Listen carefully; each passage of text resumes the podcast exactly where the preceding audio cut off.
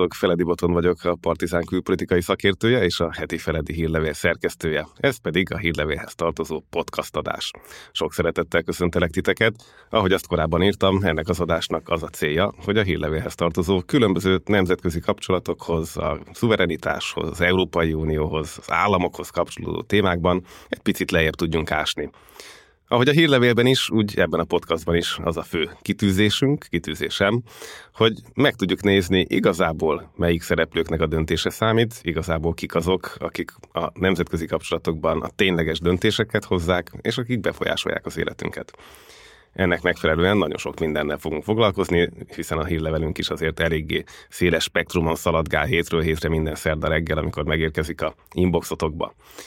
Fogunk foglalkozni többek között a mai adásban a klímaváltozás és a nemzetbiztonság kapcsolatával, Litkai Gergelyel. Fogok beszélgetni később a NATO katonai kiválósági központjának egyik magyar munkatársával, illetve elő fog kerülni még a szlovákiai választási kampány dezinformációjának elemzése, már a tények, illetve Ficó hatalomra jutása után rá fogunk tekinteni, hogy ez vajon volt-e ott bármilyen befolyása, változás, változtatási esélye a kimenetelre annak, hogy deepfake és mindenféle mást közzétettek, akár még a kampánycsendben is.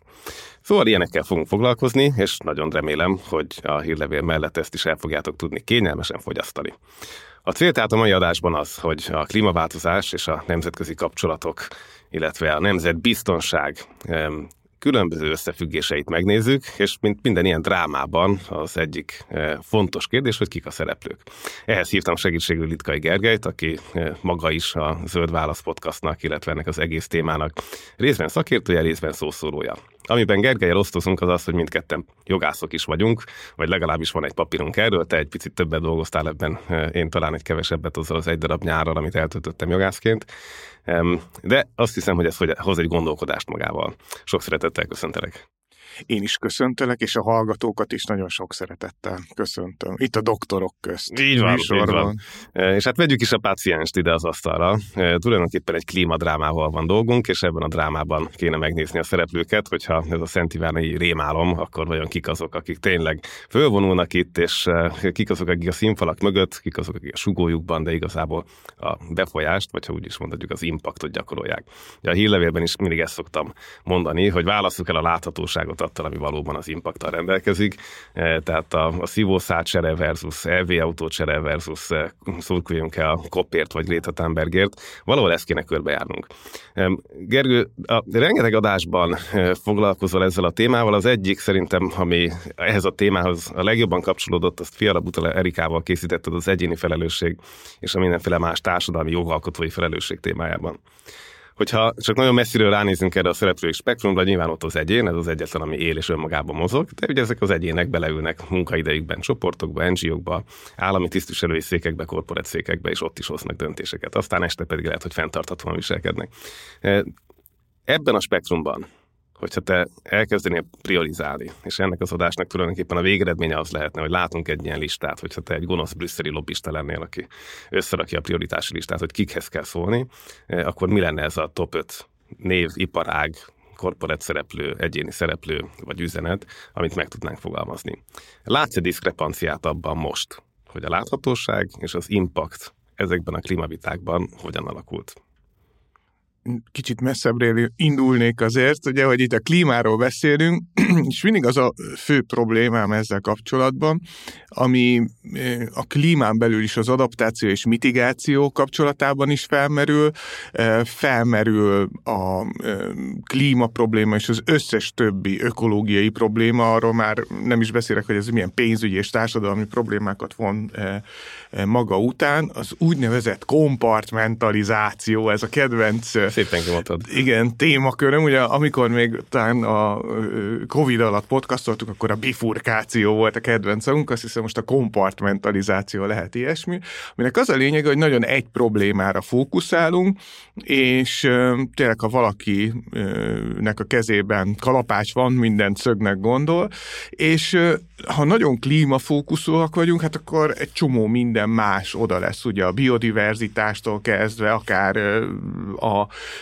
még akár a biogeokémiai ciklusról is beszélhetünk, hogy a mezőgazdaságot is lehet csak klímafókuszúan kezelni, és lehet úgy kezelni, hogy, hogy tényleg a többi tényezőt is figyelembe vesszük. És itt ezt láthatjuk, hogy egy fókuszon neki mentünk, az adaptáció és mitigáció kérdésében is ez egy óriási probléma, tehát hogy alkalmazkodunk-e a körülményekhez, vagy pedig megpróbáljuk elő, megelőzni azt, hogy előálljanak ezek a körülmények, de már a Párizsi Klímaegyezmény is elég egyértelműen kimondta azt, hogy úgy kell adaptálódnunk, hogy ez ne menjen azért a mitigáció kárára. Most ha ilyen messziről indulunk, hogy ebben ki a felelős, hogy ez ennyire egyfókuszú lett, vagy ennyire nem veszük figyelembe a többi tényezőt, az, az, az a rendszer bonyolultsága. Tehát ahogy szokták mondani ezt a klíma problémát, ez egy ördögi probléma. Hogy mi az ördögi problémáknak a sajátossága, hogy ahogy elkezdjük őket megoldani, elkezdenek megváltozni. Tehát ahogy elindulunk egy irányba, rögtön más irányba kanyarodnak a dolgok. E, a másik az, hogy rendkívül sok aktor van ebben az ördögi problémában, nagyon sok szinten. És e, abban sincsen egyetértés, e, talán ezt mondhatjuk, mondhatjuk szociológusok és pszichológusok között sem, hogy milyen irányból kell ehhez a problémához hozzányúlni. E, ugye kétféle megközelítés szokott lenni, az egyik a e, úgynevezett redukcionizmus, tehát ami abból indul ki, hogy az egyének hogyan viselkednek, és az egyének viselkedését mi határozza meg. A második, másik pedig a holizmus, ugye egy ilyen, kedvencem a holisztikus autószerelő volt egy ilyen hirdetés. Ja. Igen, tehát aki a, az autó lelkéből indul, az elektronikai problémák irányába. Megkocsolta az autót. Ja. Igen, és itt, itt azért azt látjuk, hogy valószínűleg egyik sem jó megközelítés. Ugye a, a redukcionizmusnál, amikor ugye az egyének viselkedését nézzük, van az úgynevezett megismételhetőségi válság, eztán mond valamit a hallgatóknak, hogy a tudományos alapját is tisztázzuk, hogy a 2010-es években jött elő az, hogy nagyon sok pszichológiai kísérletet, szociálpszichológiai kísérletet nem sikeresen ismételtek meg. Tehát amit eddig elfogadtunk, hogy ez egy működőképes tézis, hát arra kiderült, hogy egyáltalán nem Holott az. a tudománynak ugye az alapvető. Hát igen, a megismételhetőség. És ugye e, ez nagyon sokszor kudarcot is val emiatt, hogy amikor alkalmazunk egy módszert e, bizonyos csoportokra, azok a, a csoportok teljesen másként reagálnak. Ugye ami a politikának is nagyon nehéz, hogy nincs egy ilyen kész recept, hogy én most mondjuk egy orosz politikus vagyok, akkor így e, ezzel a módszer működött mondjuk, nem tudom én, Texasban, akkor egy holland politikus pedig nem tudja azt alkalmazni, ami mondjuk működik Olaszországban. És a másik pedig az, hogy ez az egyéni megközelítés, ez gyakran nem oldja meg a rendszer szintű problémákat. A holizmus szempontjából pedig azt tudjuk mondani, hogy a rendszer szempontjából indulunk, hogyha a rendszert megváltoztatjuk, akkor majd az egyének majd alkalmazkodnak ehhez, de ebből meg sokszor nem értjük meg a változás mikéntjét. Tehát, hogy ez miként megy végbe, hogyha valamit rosszul csináltunk, hogyan kell módosítani. És csak egy, mindig szoktam olvasni valókat ajánlani, és van egy nagyon jó modellezés erre, szerintem, ami igazándiból alkalmazható lesz, és ez át fog menni a lobby tevékenységbe, a politikába, e, e, szerintem mindenféle ilyen dologban. E, egy Ruminájtó és e, tudós társai által készített kis elemzés volt, ami e, egy ilyen integratív e, framework-öt csinált a transformatív társadalmi Fűha, változásokról. Most a hallgatókat valahogy hozzuk vissza. Igen, visszahozzuk, de hogy ő azzal foglalkozott a, a, a, a globális vadállatkereskedelemnek a szabályozását próbálta megfogni úgy, hogyha nem is a holisztikus, nem is az egyén felől indulunk, hanem igazándiból hogyan zajlanak le ezek a változások. És e, ugye az első az, hogy meg kell találni a változás ügynökeit. Tehát most a, lefordítsuk ezt mondjuk itt a fenntarthatóságra, vagy lefordítjuk ezt a COP28-ra, hogy meg kell találni azokat az aktorokat, akik nek van elég hatóköre ahhoz, hogy cselekedjenek, akik motiváltak ebben, és megvan hozzá a tudásuk, hogy ezt megcsinálják, és utána ráadásul követik is őket. Tehát, hogyha ezen logika szerint haladunk mi a beszélgetésben, akkor tényleg először azt lenne jó megtalálni, hogy kik azok, akik ebben közreműködnek. És a jó válasz szerintem az, hogy mi befolyásolja igazán az egyén viselkedését, hogy mikor lesz a, a mikro jelenségekből, vagy mikromotívumokból makroviselkedés.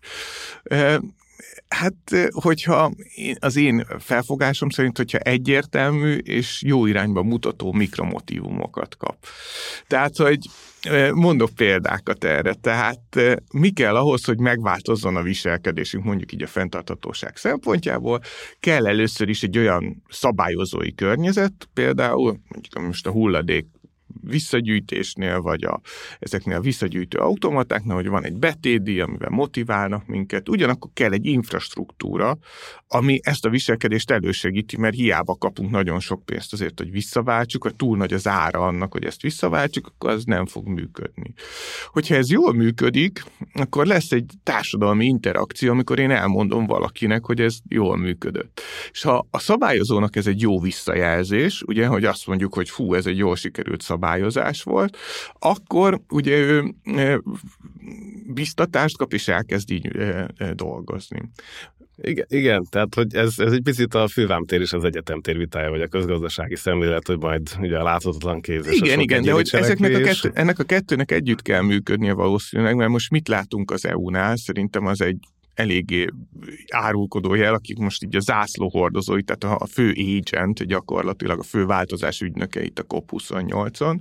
Azt látjuk, hogy azért a polgárok nem érzik úgy, hogy ez egy sikeres dolog lenne, nem? Tehát, hogy a, hát a 28-szor neki kellett futni, a 28-szor neki kellett most futni. 28-as COP zajlik éppen Dubajban, amikor ezt a beszélgetést És, és ez tényleg a, a, a szavazókból látszik itt az Európai Unióban, hogy ez nem úgy gondolják, hogy most ez ilyen nagyon flottul, annak ellenére, hogy eh, a, van egy nagyon jó ilyen think tank, aki azt vizsgálja, ami Magyarországon is volt most ez a e, e, klíma előrehaladási, klíma mitigációs előrehaladási jelentés, és abban azért a poliszik azok jó helyen vannak. Tehát ők azt mondják, hogy ezek jó helyen és jó sebességgel készültek el. Itt nagyon sok jogszabály alkotódott meg, amiket már a tagállamok nagy része is implementált. Ugyanakkor nyilván jó irányba haladunk sok mindenben, de túl lassan. Ez Európával szemben a visszajelzés.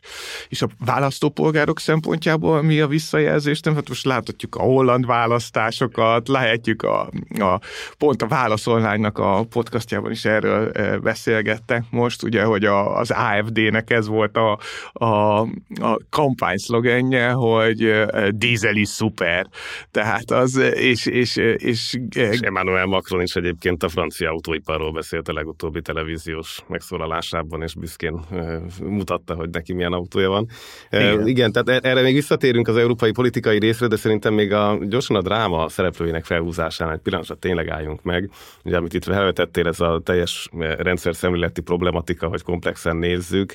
E, ugye véletlen írtam egy mesterdolgozatot a, a komplexitás, mint tudományi elméleti jelenség a nemzetközi kapcsolatokban, ami pont ezt a holisztikus redukcionista megközelítést szeretné meghaladni.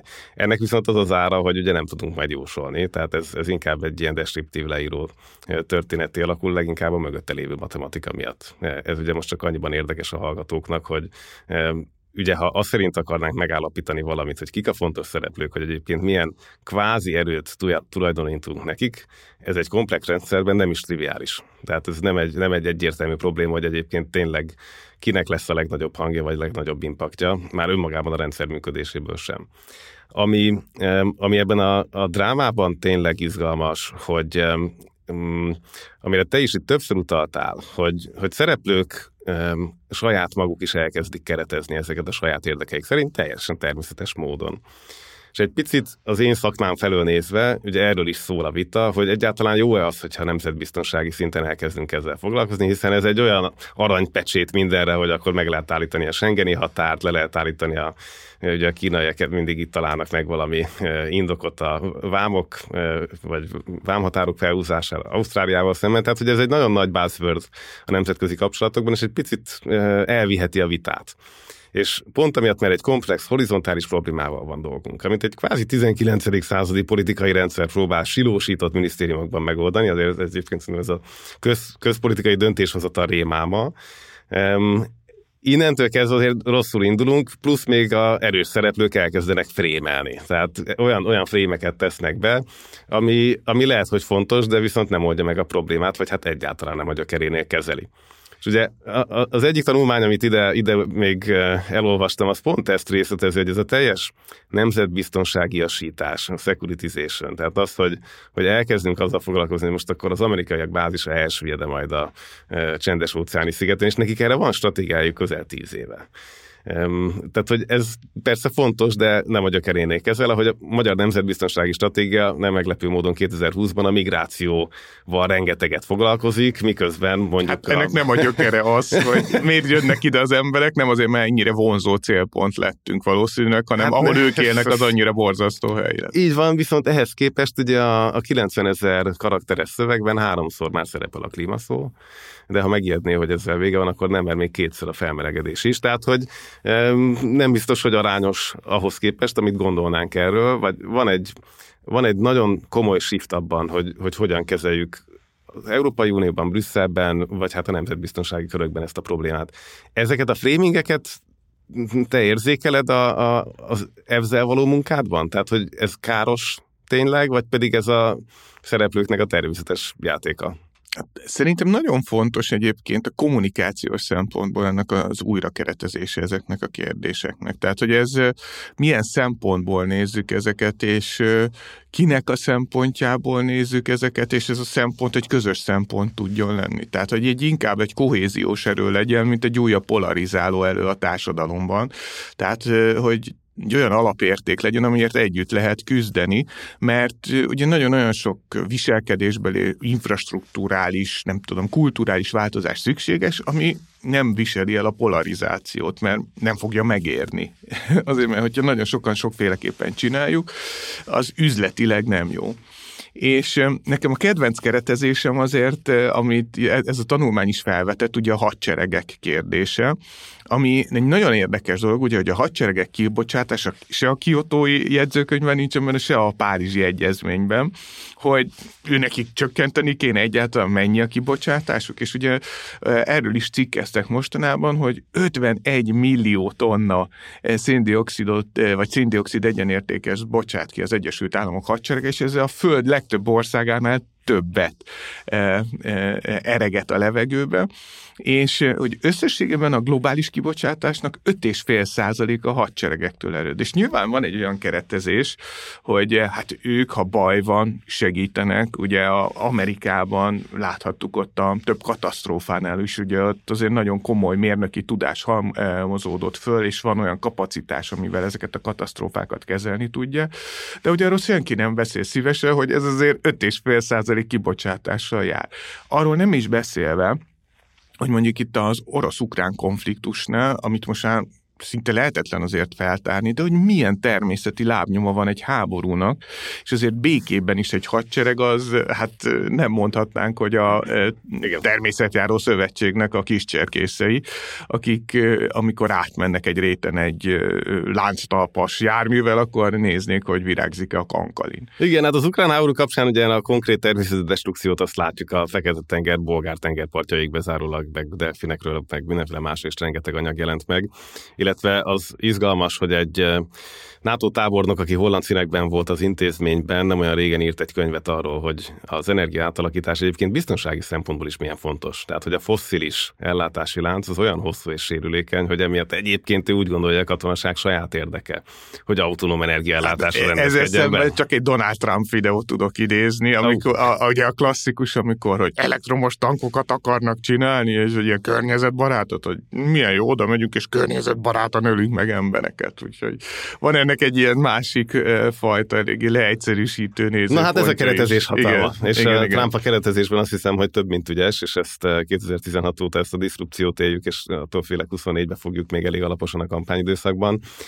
De hogy, de hogy ugyanúgy, ahogy a hadseregnek is érdeke lenne, hosszú, akár már rövid távon, hogy képes legyen autonóm módon energiát termelni lokálisan, úgy igazából a, egy nagyon másik terület felől nézve, a kiberbiztonság felől nézve, egyébként az is tök jó lenne, hogyha tényleg te, én és mindenki lakóközösség szintjén, energiaközösség szintjén sokkal önállóbbak lennénk a nagy központi hálózattól. Egyszerűen reziliencia. Azért, mert most látjuk, éppen ugye egy nem olyan régen hóvihar volt itt a beszélgetésünk előtt, megint egy tucatnyi településen nem volt áram.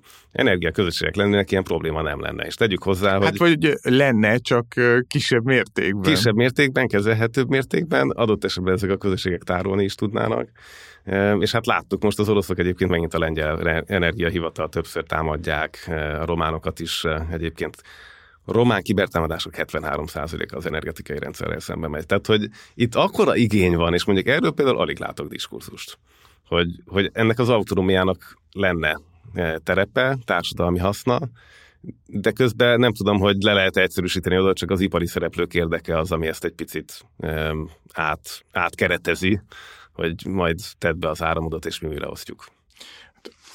Ez egyébként is egy jelentős probléma, tehát itt az energia átmenetnél a Gartnernek van most egy előrejelzése, aki már szerintem azt 2026-ra vagy 2027-re ezt az energy rationinget vetíti előre. Tehát amikor ugye, hát mondhatni egy energia jegyrendszer lesz, ugye a zöld átmenet plusz az elektrifikáció plusz amivel nagyon kevesen számolnak, hogy a mesterséges intelligenciának az egyre jobban elterjedő használata az nagyon-nagyon energiaigényes lesz hogy az adatközpontok azok nagyon-nagyon sok energiát emésztenek föl, és hogy erre nem vagyunk felkészülve egyáltalán. És az, hogy számítási teljesítményeket hogy optimalizáljuk, hogy mikor mennek ezek a gigantikus számolások, amik most egyre több modellhez.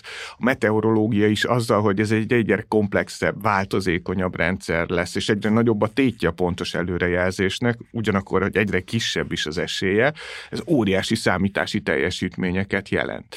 És ezzel ugye hát kitesszük magunkat annak, hogy sokkal sérülékenyebb lesz ez a rendszer, de hogyha nem is beszélünk a kibertámadásokról, pont ugyanegy ilyen gártmeres előrejelzés volt, vagy most, hogyha nézik az emberek a, a napot, eh, ahol nem tudom, 27 földnyi, vagy mekkora ilyen, eh, ilyen nyílás, vagy, vagy fekete folt keletkezett, amiből eh, óriási részecske kiáramlás történt, és azt valószínűsítik, hogy 2027, 2020 7 júli, nem 2025, azt hiszem 2025 júliusában éri el ez a napfolt tevékenység és a napkitörések az egyik csúcsát, így a elmúlt ö, évszázadban, ami a kebeki, ami 1988-ban volt, azt hiszem az a leglegendásabb áramkimaradás, leállt a tőzs, de minden, annak az ezerszerese lesz.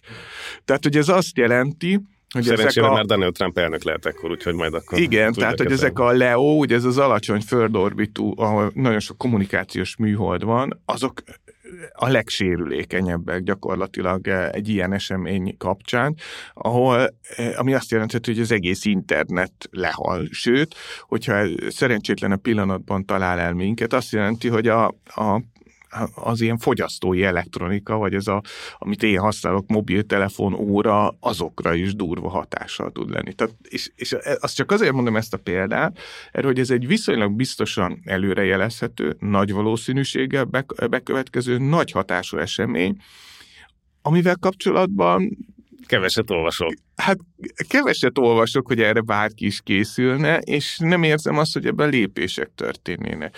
Nyilván a kiberbiztonság az jóval inkább szembe jön, de hát hogyha e, meghallgatjuk, hogy egy átlagfogyasztó, vagy egy átlag, nem tudom én, külügyér, aki a külügyminisztériumban dolgozott, és nem tudom, hogy Alma 1, 2, 3, 4, 5 volt a titkosító berendezésnek a kódja. Az a baj, hogy nem életszerűtlen a példa. Igen, hát ez volt, és amikor megváltoztatták, mert jelezték, hogy kompromittálták megváltoztatták a rendszert, megváltoztatták körte. Egy, kettő, három, négy, ötre. Tehát, hogy, hogy a felhasználók oldalán is olyan fajta tudatlanság van, és ez tök mindegy, hogy természettudományos tudatlanság, vagy egy informatikai tudatlanság, ami ezeket a rendszereket független attól, hogy ez technológia hihetetlen fejlett, rendkívül sérülékenyé teszi. És a mesterséges intelligencia meg pont abban segít, hogy átlag emberek, átlag rossz indulatú nem állami aktorok is nagyon könnyen tudjanak vegyi fegyvertől kezdve a biológiai fegyveren át a kiberfegyverig gyártani, kódokat feltörni, valós tudás hiányában is hát exponenciális károkat okozni. Igen, csak meg ezeket ugye a Dark Web-en szolgáltatásként adják veszik. Igen, igen, Egyébként igen. sajnos nem drágán, de ne biztassuk most a hallgatókat erre. A ugye azért amióta ezzel foglalkozol, és tudom, hogy számos céggel is kapcsolatban vagy, és próbálod őket győzködni, hogy, eh, hogy valamit a saját tevékenységükben zöldítsenek. Ugye nekünk a, a, azok közé tartoznak, tanultak nemzetközi politikai gazdaságtan, de már a nyugati verziót, és ott egy örök vita volt, és erről sok dolgozatot kellett írni, hogy akkor a kapitalizmus és a demokrácia kapcsolata hogy néz ki, hogy az egyik hat a másikra, vagy a másik az egyikre. És hát ezt ugye hosszan meg lehet zenésíteni. Ebben neked az állam versus nagy korporát történetben, vagy az EU versus nagy korporát történetben eh, van egy ilyen klasszikus pessimista olvasatot, hogy úgyis megeszik a korporátek az NGO-kat, vagy pedig, vagy pedig optimistább vagy ennél. Mert a COP28 kapcsán is végtelen mennyiségű lista. Legnagyobb kibocsátó Kína, de ha per capita nézed, Egyesült Államok. Hogyha nézed a, az ipari szektorokat, ugye a fosszilis üzemanyag szektor torony magasan viszi a, a globális kibocsátást, ami most ugye ráadásul növekedett is, mert az ukrán-orosz háború az nem segítette a, a leválásunkat, illetve ahogy nézzük, rövid távon, nem hosszú távon valószínűleg begyorsította az uniós szinten, hogyha nem lesz megvétózva néhány dolog. Tehát ezek, ezekben van, van valami tapasztalatod, ami alakult? Tehát, hogyha visszatekintesz az elmúlt két-három évedre, hogy hm, akkor még ilyen jámbor lelkű jogászként nézted, hogy ez, ez néhány klímaperrel helyre lehet tenni, és most 2023-ra változott-e benned valami így a szereplők erőviszonyait illetően? Igazán szerintem ott kezdődik ez a változás. Tehát azoknál a cégeknél, akik nagyon hasonló az országok helyzetéhez, tehát akiknek nagy a kitettsége a kockázati oldalon, ugyanakkor mondjuk a e, üzletileg nem érdekeltek a fosszilisban. Nem? Tehát mert ők, ők azok, akik egy telkó cég, ugye azért Vagy viszonylag... az indiai igen, igen, igen, az azért nagy a kitettsége, viszont a fosszilisban egyáltalán nem érdekel. Tehát nyilván itt a transformáció előbb fog lezajlani, és ők valamennyire ennek zászlóhordozói lesznek. Nyilván a Shell-nél pont Shell Shell-es emberkével beszélgettem tegnap, és ő mondta, hogy ott is egy váltás volt, hogy ugye tavalyig, ami mm, az volt a mondás, hogy a Shell az egy hihetetlenül zöld cég. Tehát, hogy ők úgy zöldítenek, ahogy csak az a klasszikus talán Instagram posztjuk volt, hogy és te mit teszel a klímaváltozás ellen, ugye? Tehát ez, de szép felelősség, kis átsorgatás. Igen, kis átsorgatás, de januártól már azt mondják, hogy hát ők azért egy, egy olyan cég, ami nagyon sok ö, ö, felhasználót vagy vásárlót szolgál ki üzemanyaggal, ami fosszilis a nagy része. És ha fű van a benzinkút tetején. Igen, és, és e, emellett ők próbálnak zöldebbek lenni, de hát nem ez a klasszikus greenwashing, és pont a, kigyűjtöttem, van egy nagyon jó tanulmány, az influence mappesek csinálták meg, hogy a, ezeket a net zero ígéreteket összehasonlították azzal, hogy ezek a nagy e, cégek, ez a e, SMP 2000-rel e, foglalkoztak, vagy a Forbes e, 2000-rel foglalkoztak, és hogy ennek 58%-a úgynevezett net zero greenwashingban van. Tehát, hogy azt, hogy nagyon sokszor jel, a mindenféle fenntarthatósági jelentésükben itt-ott jelzik, hogy ők hát nagyon zöldek, ugyanakkor, a, amikor a akár a belső folyamataikat meghatározzák, akár amikor döntéshozókra próbálnak befolyást gyakorolni, nagyon erősen, teljesen ellentétes irányba mennek ezzel. Tehát, hogyha megnézzük, azért itt az összes kibocsátó közül, ezt megnéztem itt cégenként, ugye a kumuláltan ki mennyit bocsátott ki, de azért a Saudi Aramco 59,2 gigatonnát nyomott ki, ugye, ami több, mint az egész föld éves széndiokszid kibocsátás, ami 42. Tehát, hogy a Chevron a második, Gazprom az, az is 43, tehát az is még bőven egy évi és fölött van. Egyébként az már csak egy lábjegyzet ide, de muszáj beszúrjam, hogy ugye az oroszok, a szaudiak, és volt egy harmadik cég, akik még a fákjázással állítják elő a szektor kibocsátásának több mint 40%-át. Ez egy egészen döbbenetes dolog. És, hogy, és arra nem beszélünk, hogy a metán és az egyéb, ugye, amit még most be sem vontak igazándiból a COP28-ban, mert még mindig nagy, nagy részt a e, széndiokszidról van itt szó, tehát a többi kibocsátás az így most, most gondolják néhányan, hogy esetleg ezzel is kéne majd foglalkozni, amire azért lehet, hogy rövid, e, kisebb távon maradnak a légkörben, de azért sokkal intenzívebb hatásuk van, és azért mondjuk 5, 8, 10, 20 év egy olyan rövid távlat éghajlati szempontból. De de visszatérve itt a cégekre, meg hogy én hogy látom ezt a kérdést, hogy én azt látom, hogy a szándék sokszor megvan, tehát, hogy de mivel a piacról nem ez a visszajelzés jön, és ugyanaz, ami az Most európai politikában... Piacra, itt a shareholderekre gondolsz, a hát részvényesek? Hát itt, itt a stakeholderekre gondolok igazándiból a vásárlókra is, amik a föld nagy részén még nem hajlandók azért ezeket a ezeket a zöld filléreket, vagy zöld dollárokat kifizetni, ez hogy a Bill Gates fogalmazott a könyvben, ez a Green Premium-öt, és amíg a szabályozás nem veszi rá őket, hogy egy level playing field legyen, tehát ahol mindenki azonos körülmények között kell, hogy zöldüljön, addig azért maguktól eléggé vonakodnak ettől. És és az, hogy az NGO-knak erre milyen hatása van,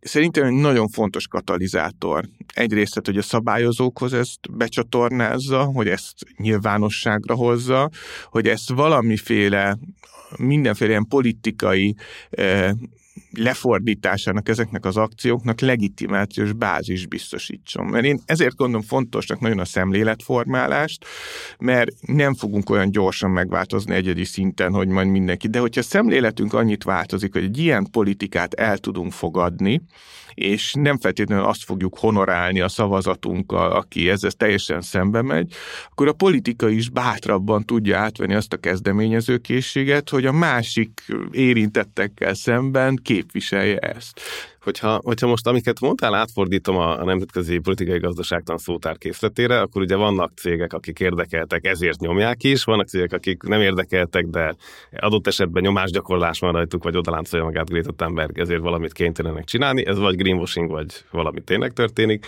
és vannak azok, akik alapvetően nem érdekeltek, mert még a fosszilisat szeretnék kitermelni, aminek ráadásul ugye a, a monarchiában működő olajcégeknél azért ez egy családi érdek, hogyha most nagyon lebutítom, tehát hogy ez, ez hát és, és ez a megközelítést is eh, meghatározza, hogy kinek mi az elképzelése, mert mindenki a saját érdekei szerint próbálja ezt artikulálni, ugye azt hiszem a szaudiaknak ez a mániája, hogy hát, hogy a fosszilis az nem rossz, csak ez, ez a point capture szisztémával, ugye amikor ahol a kibocsátás van, mit tudom én, egy olajfinomítónál, egy erőműnél, egy... Eh, már a kútnál, igen. Már, már a, kút, hát már a kútnál nem feltétlenül, de ahol mondjuk megtörténik a kibocsátás, és ott kell megfogni a széndiokszidot, mert az sokkal kisebb energiabefektetéssel jár, és azt kell visszagyűrni a, nem tudom én, a régebbi földgázlencsékbe, vagy ide-oda, amoda, vagy a kőzetrétegek közé, vagy mint Izlandon csinálják oda bele a vulkanikus kőzetekbe, és akkor vízzel elegyedve az ott szépen megnyugszik.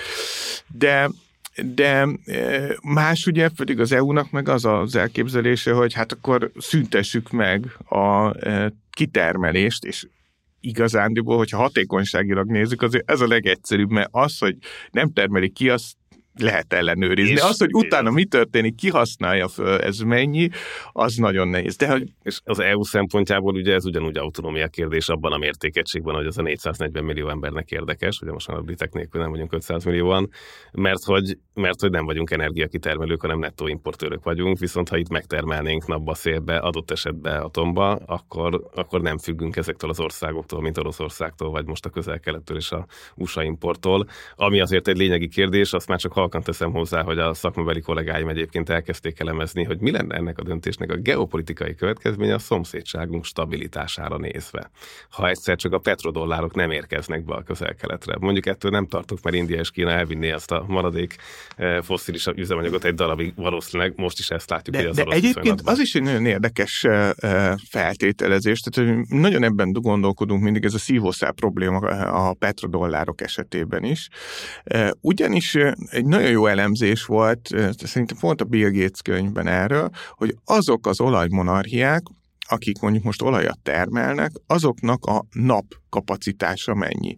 És hogyha ugyanezen a csővezetéken keresztül, ami eléggé illuzórikus azért, vagy ugyanezek, de mondjuk eh, hidrogénként exportálnák ezt, akkor eh, lehet, hogy lenne egy-két rosszabb évük, de végül is, hogyha ez az átállás megtörténik, akkor ebben is eh, jól vagy jobban járhatnának, hiszen ez egy olyan erőforrás, ami nem véges.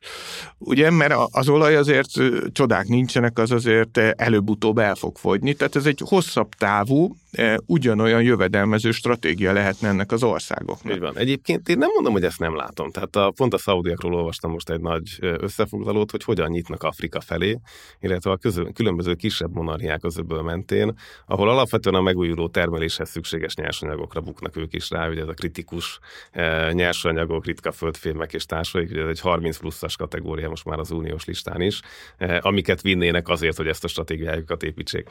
Egy pillanatra még kanyarodjunk oda-vissza vissza, hogy ugye ez a szereplő spektrum, amit vázoltunk eddig, ha, ha a vitát átforgatjuk, akkor ez egy költségviselési vita. Tehát, hogy ki fizet. Igen, ki fizet. És a szennyező fizet, de ki a szennyező? Tehát a végfogyasztó, tehát az egyének, vagy pedig, vagy pedig más fizessen el. Mert tulajdonképpen azt hiszem a Brüsszelben alakuló, és amire utaltunk, a jobb oldal felé is eltolódó rész, hogy sem a zsilézson, ugye a sárga mellényesek Franciaországban nem akarták megfizetni a benzinárban a, a, a green premiumot. Ugye nem akarják a németek kifizetni a hőszivattyú beépítés költségét, és ebből volt óriási vita sok egyéb zöld javaslat mellett.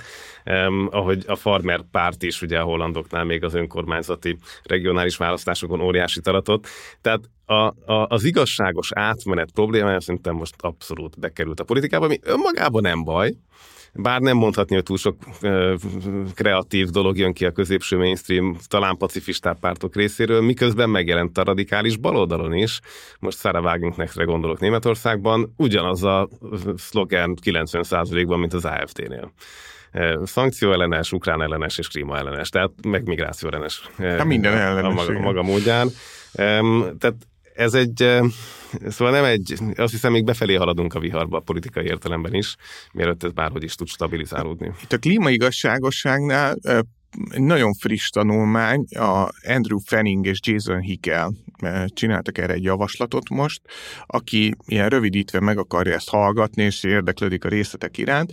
Van egy nagyon jó podcastja Köves Alexandrának, ez az Economics for Rebels, az angol nyelvű podcast, nagyon sok és nagyon jelentős ökológiai közgazdásszal szokott itt beszélgetni Európából és Európán kívülről is. És ebben volt ez az utolsó előtti adás, és itt beszélgettek arról, hogy hogyan lehetne ezt kiszámolni. Ugye, hogy volt egy olyan karbonbüdzsé, amit, hogyha a Párizsi Klímaegyezményt nézzük, ami a másfél fok eléréséhez kellett, ugye, amiből most már, nem tudom, 320 gigatonna maradt, vagy most már egyre kevesebb. De hogyha ezt a karbonbüdzsét, ami eredetileg volt, visszaosztjuk, amikortól ez valamennyire dokumentálható honpolgárokra, és megnézzük, hogy az egyes államok mondjuk honpolgár alapon mennyivel költötték túl ezeket a karbonbüdzséjüket. És ott azért itt a fejlett nyugaton, vagy a globális északon, ahogy szokta fogalmazni, hogy bőven túlköltöttek. És hogy az a kérdés, hogy ez hogyan lehetne visszaadni, mert nagyon sok ország, Fülöp-szigetektől kezdve, nem tudom, Brazíliáig, azért vannak olyanok, akik még bőven alul vannak. India is még, annak ellenére, hogy most eléggé nagy kibocsátó, még mindig alatta van ennek a globális büdzséjének. És hogyha mondjuk a karbonkvótákat, ugye aminek az ára azért folyamatosan emelkedik, ugye ez a tonnánként jár, most nem tudom, 100 dollár, vagy valami mi ilyesmi körül van. Hogyha ezen az áron elszámolnánk egyszer, és ezt eljuttatnánk ezekhez az országokhoz, akkor nyilván ez egy nagyon ilyen kezemfejem igazságtételi metódus, és nem tudom, hogy a kongói demokratikus köztársaság, vagy, vagy a közép-afrikai köztársaság az hogyan bánna ezekkel a forrásokkal, de nyilván ezeknek a forrásoknak valamennyire címkézésével, tehát hogy zöld innovációkba fektessenek, a, a növekedésnek egy olyan zöld formájára fordítsák, ami a nagyon káros fázisát valamennyire ki tudja lőni ezeknek a globális délbeli országoknak a e, növekedési fázisai közül, akkor azzal egy igazságot is szolgáltatnánk, és ráadásul a saját problémánkat is valamennyire jobban meg tudnánk oldani. Ehhez képest most a COP28-on ugye ez a Loss and Damage Fund Igen. kezdeményezés van, amiben, ha jól emlékszem, akkor pont a házigazda tett bele 100 millió dollárt, és hát néhány 100 millióval fog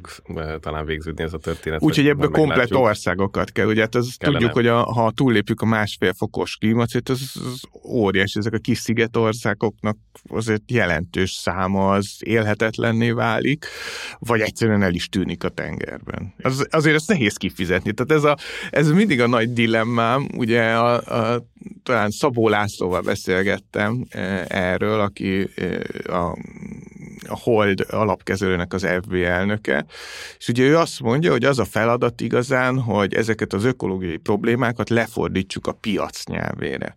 És ilyen szempontból az ökoszisztéma szolgáltatások erre mindig is egy kísérlet volt, hogy mit ad nekünk a természet, ez mennyi, mennyi ennek az externáliáknak, az okozott károknak akár a negatív értéke, amit valahogy internalizálni kell. És ez, ezt szokták úgy hívni, hogy gyenge fenntarthatóság.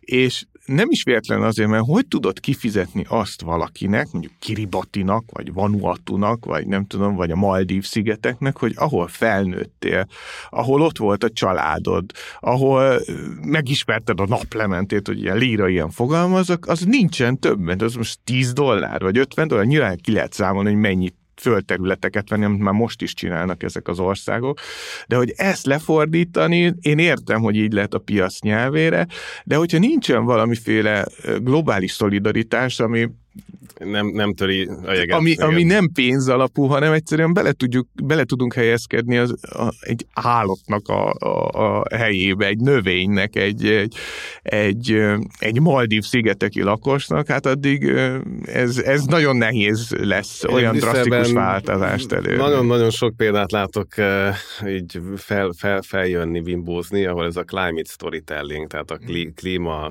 történet mesélés pont ezt próbálja visszahozni, és igazából ugyanilyen tragikusan tudja feltüntetni azt, amikor eltűnik a folyó, vagy kivágták az erdőt, vagy, vagy leégett valami, vagy elárasztották, vagy, vagy hát kiszáradt. E, tehát ilyen szempontból szerintem rengeteg élő helyet e, alaposan kockáztatunk.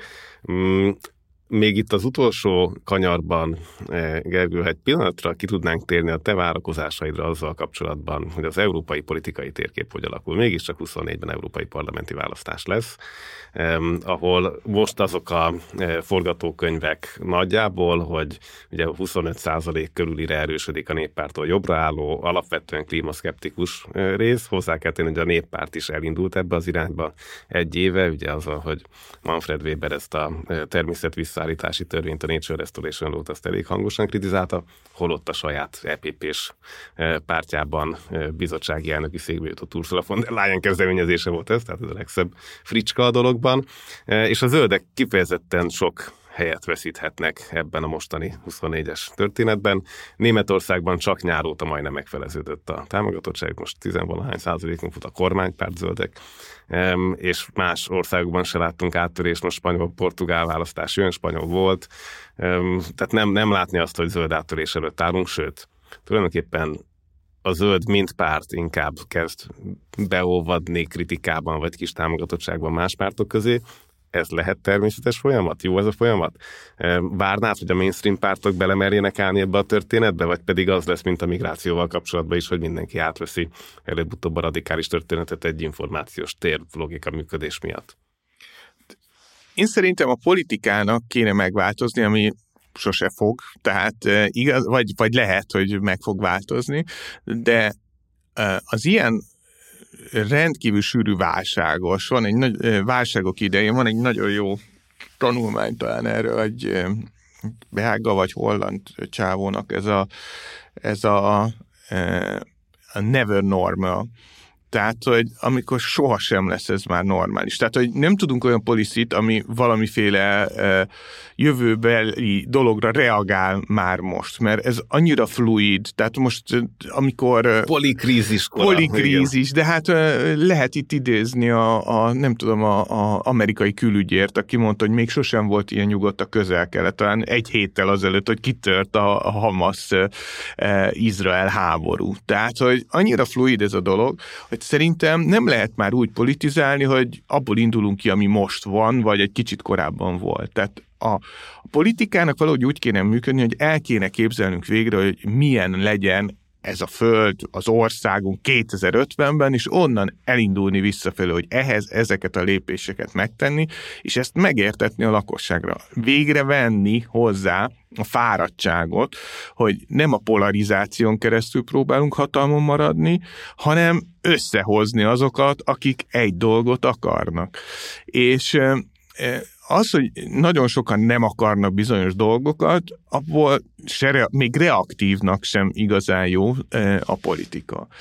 És az, hogy a, ez a zöld kérdés, ez szerintem nem zöld kérdés, ez egy egzisztenciális kérdés. Tehát, hogy amíg ez úgy van keretező, mint ez egy zöld dolog, az nyilván lesznek zöld pártok, akik ezt a zöld dolgot, de hogyha nincsen ivóvíz, ez nem egy zöld kérdés, hanem egy egzisztenciális Holott kérdés. Budapest külső kerület, illetve tavalyáron nem hát volt vagy, Vagy Solymáron. Így van, tehát hogy és, és ezek után nem értem, hogy ezek hogy, hogy nem törik és, át és ott, se, ott se arról volt szó, hogy nincsen, hanem eh, nem tudnak megállapodni arról, hogy a fővárosi vízművek hogy adja át Solymárnak a vizet, mert az elszámolási árat, a Solymári vízmű, azt hiszem, állami tulajdonú nem akarja elfogadni eh, Budapestről, ami fővárosi tulajdonú. Tehát eh, ez egy nagyon jó példa arra, hogy nagyon sok gond az nem azért áll fenn, mert nincs rá megoldás, hanem egyszerűen képtelenek vagyunk kompromisszumot kötni, egyszerűen képtelen vagyunk konszenzusosan kormányozni, vagy irányítani a dolgokat. És eh, nagyon sok modell van erre, például a, a, a, van egy Ostrom nevezetű, azt hiszem, hölgy, akinek ez a hogy hogyan kéne ezeket a modelleket jól építeni. Tehát, hogy a kvótákkal szemben sokkal jobb lenne, hogy bevonni a lakosságot a policy makingbe, sokkal jobban involválva lenne valaki, hogyha tényleg megkérdeznék erről a véleményét, hogyha ezeket pozitívan, negatívan valamennyire visszajeleznének neki, akár anyagilag, akár így úgy. Tehát, hogy egy, egy sokkal inkább bevonó politikára lenne szükség, és sokkal inkább eh, ahogy az energiahálózatoknál is lokalizáltabb politikára, amiből kijön valami közös tudás a végén.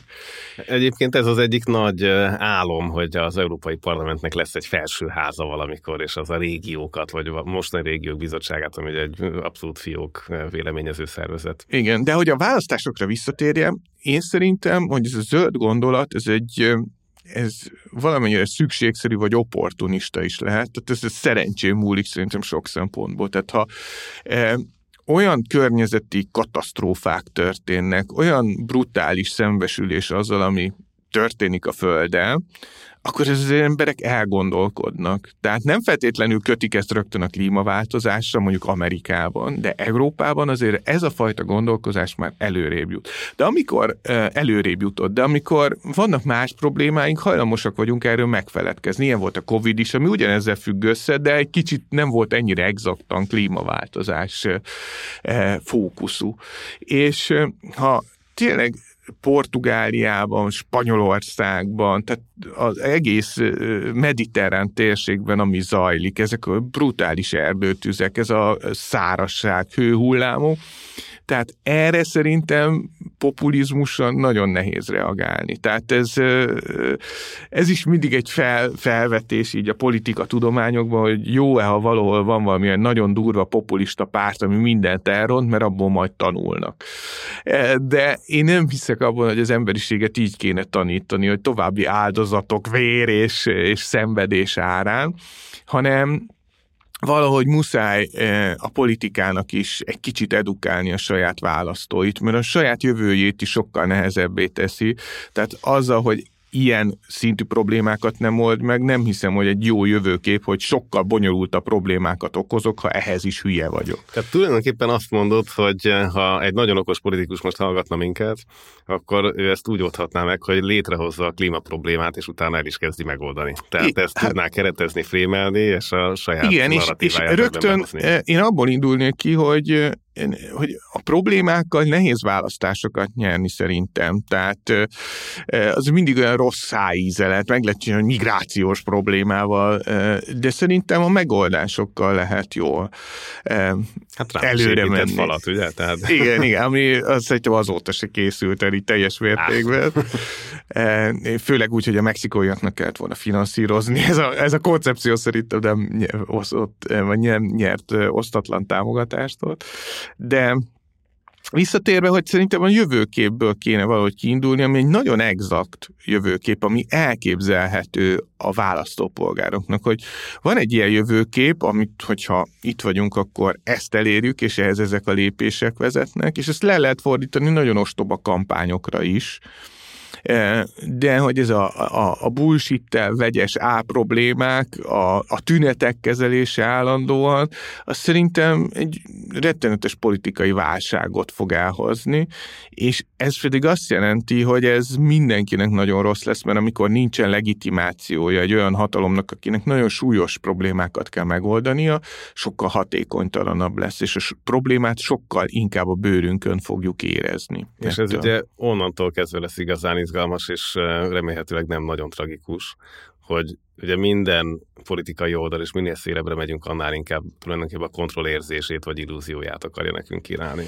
Ami egyre kevésbé lesz meg? Ami pontosan egyre kevésbé lesz meg, és azáltal a politikák által, amiket ők képviselnek, tulajdonképpen még a maradék operáció is elveszik, ami által még a maradék állami befolyás, közepes és kisállami befolyás is csökken. Pláne klímakérdésben a horizontális vagy globális problémákra. Tehát ez azért egy picit... Hát ilyen, plusz az egyenlőtlenség az mi, mindig is a kormányozhatatlanság felé hat. Tehát ez a tök hogy ez globális, vagy egy e, országbeli, vagy regionális egyenlőtlenség, ugye az so, elveszíti a hatalom a legitimációs bázisát, le van egy ilyen forradalmi hangulat, mindig egy ilyen elégedetlenség, hogy nekem nagyon kevés van, de látok valakit nagyon közvetlenül, akinek nagyon sok. Egyébként pont együtt néztük azt a tanulmányt, amelyik viszont rögzítette, hogy az északi társadalmakban tulajdonképpen a felső 10-20 százalék, vagy úgy tetszik, az 1-es, 2-es decilis felelős a kibocsátás közel 80 százalékáért. Tehát, hogy valami egészen hajmeresztő számok voltak abban, hogy a gazdagok versus szegények még itt a mi nyugati társadalmainkon belül is mennyire nem arányosan kellene, hogy költséget viseljenek. Hiszen Igen. ki az, aki sokszor utazik repülőgéppel, miközben pont, ami héten jött ki a statisztika, hogy a magyarok 17 százaléka nem, nem volt külföldön, igen. Tehát ezek, ezek az egyenlőtlenségek tényleg egyéni szinten és országon belüli szinten is, hát unión belüli szinten is, és aztán globális szinten is kőkeményen eszik ezt a klímavitát amiben nem, nem túl sok feloldást látni. Hát igen, de ez de most egy újra, újabb témába belemegyünk, már majdnem sikerült lezárnunk igen, a igen, beszélgetést. Igen, igen, igen, a... De ugye, hogy az egyenlőtlenséget hogy oldjuk fel, mert ez is egy nagyon érdekes, erre is többféle elméletet, így nagyon sokat vitatkozunk erről, ugye, hogy mert van egy ilyen megállapítás is, hogy a gazdagok, azok viszont nagyon sokat takarítanak meg. Ugye, tehát, hogy nekik ott van ez, ezt nem költi el, nem fogyasztja el. Viszont ha ezt mondjuk akár vagyonadóval, akár jövedelemadóval visszaforgatod a társadalomba, akkor abból csak a baj lesz, mert elkezdenek fogyasztani, és ugye amit ő nem fogyasztott volna el, azt majd elfogyasztja más, akinek van erre kapacitása, és nyilván nem fogja megtakarítani ezt a pénzt. Vagy amikor, ha dolgozzunk kevesebbet, ugye ez is egy általánosan elterjedt javaslat, mert nem, teljesen fölöslegesen dolgozunk ennyit, hogy fölösleges dolgokat megvegyünk, de nem mindegy, hogy mihez kezdesz a szabadidőddel. Tehát, hogyha megint egy dologra lősz, kompartmentalizálsz, hogy akkor csökkentsük a munkaidőt, akkor lehet, hogy is jól keresel, maradék időben pedig repülgetsz majd Amerikába, vagy olyan szabadidős tevékenységeket választasz, amiknek jóval nagyobb a CO2 kibocsátás, mint ha ülnél az irodában, azt gépeznél értelmetlenül. Gergő, akkor itt tényleg megragadom a, a, a kiút lehetőségét. Köszönöm szépen, mert azt hiszem, hogy azért végig galoppoztunk azon, hogy az egyéni felelősség mellett a más emberi csoportok, cégek, NGO-k e, és államolakulatok hogyan festenek ebben a történetben, e, illetve amit most e, megismertettünk a hallgatókkal, a kompartimentalizáció gyönyörű kifejezését. Kompartmentalizáció. Köszönöm szépen, ezt remélem majd bevon a podcast történelme ez a kis párbeszéd, hogy ezzel Tulajdonképpen segítjük azt, hogyha mindenki veszi a fáradtságot és tréningezi magát olvasás közben, hogy feltegye a kérdést, hogy az az adott frémelés, az az adott kompartiment, az kinek az érdeke, és egyébként vajon az övé is-e? Vagy a, leginkább úgy lehetne föltenni, hogy az unokáinak is érdeke. És ilyen szempontból egyébként most pont benne vagyunk egy ilyen jövő generációja projekt érdekképviseletben Brüsszelben. Szerintem ez egy hihetetlen izgalmas kérdés, hogy a politika működését milyen kisebb intézményi, tehát mondjuk úgy reális intézményi módosításokkal lehet egy picit átalakítani. Úgyhogy köszönöm szépen, hogy eljöttél, és biztos, hogy ezt is folytatni fogjuk. Én is köszönöm. Ritkai Gergelynek tehát köszönöm szépen, hogy ellátogatott a e, Feledi podcastba, a heti Feledi hírlevéhez kapcsolódó e, podcast adásba. A heti Feledi egy hetente megjelenő külpolitikai hírlevél, amit minden szerdán megkaphattok a postaládátokba, úgyhogy ha még nem tettétek volna, mindenképpen iratkozzatok föl, e, és kövessétek a Partizán többi hírlevelét is. Nagyon köszönöm, hogy velem tartottatok. Az adások következő részeiben mindenképpen foglalkozunk még a NATO egészségügyi kiválósági központjával, ami meglepetésre Budapesten van. Fogunk foglalkozni még többek között a szlovák választások dezinformációs jelenségével, és hasonló izgalmas témákkal készülünk Brüsszelből is, többek között egy nagy nemzetközi a szankciók elkerülését vizsgáló projekttel. Úgyhogy ilyen témákkal készülök, a célunk az az, hogy a heti feledi horizontális áttekintése mellett itt picike mélyfúrásokat tegyünk olyan izgalmas témákban, eh, ahol ez érdemes, érdekes, és ahol ez segítheti nektek a későbbi hétköznapi tájékozódásotokat. Ez tehát a cél, hogy egy olyan olvasói filtert, egy olyan rácsot tudjunk a kezetekbe adni, ami segít megkülönböztetni a láthatót a fontostól. Nagyon köszönöm, hogy velem tartottatok, gyertek, hallgassatok minket máskor is.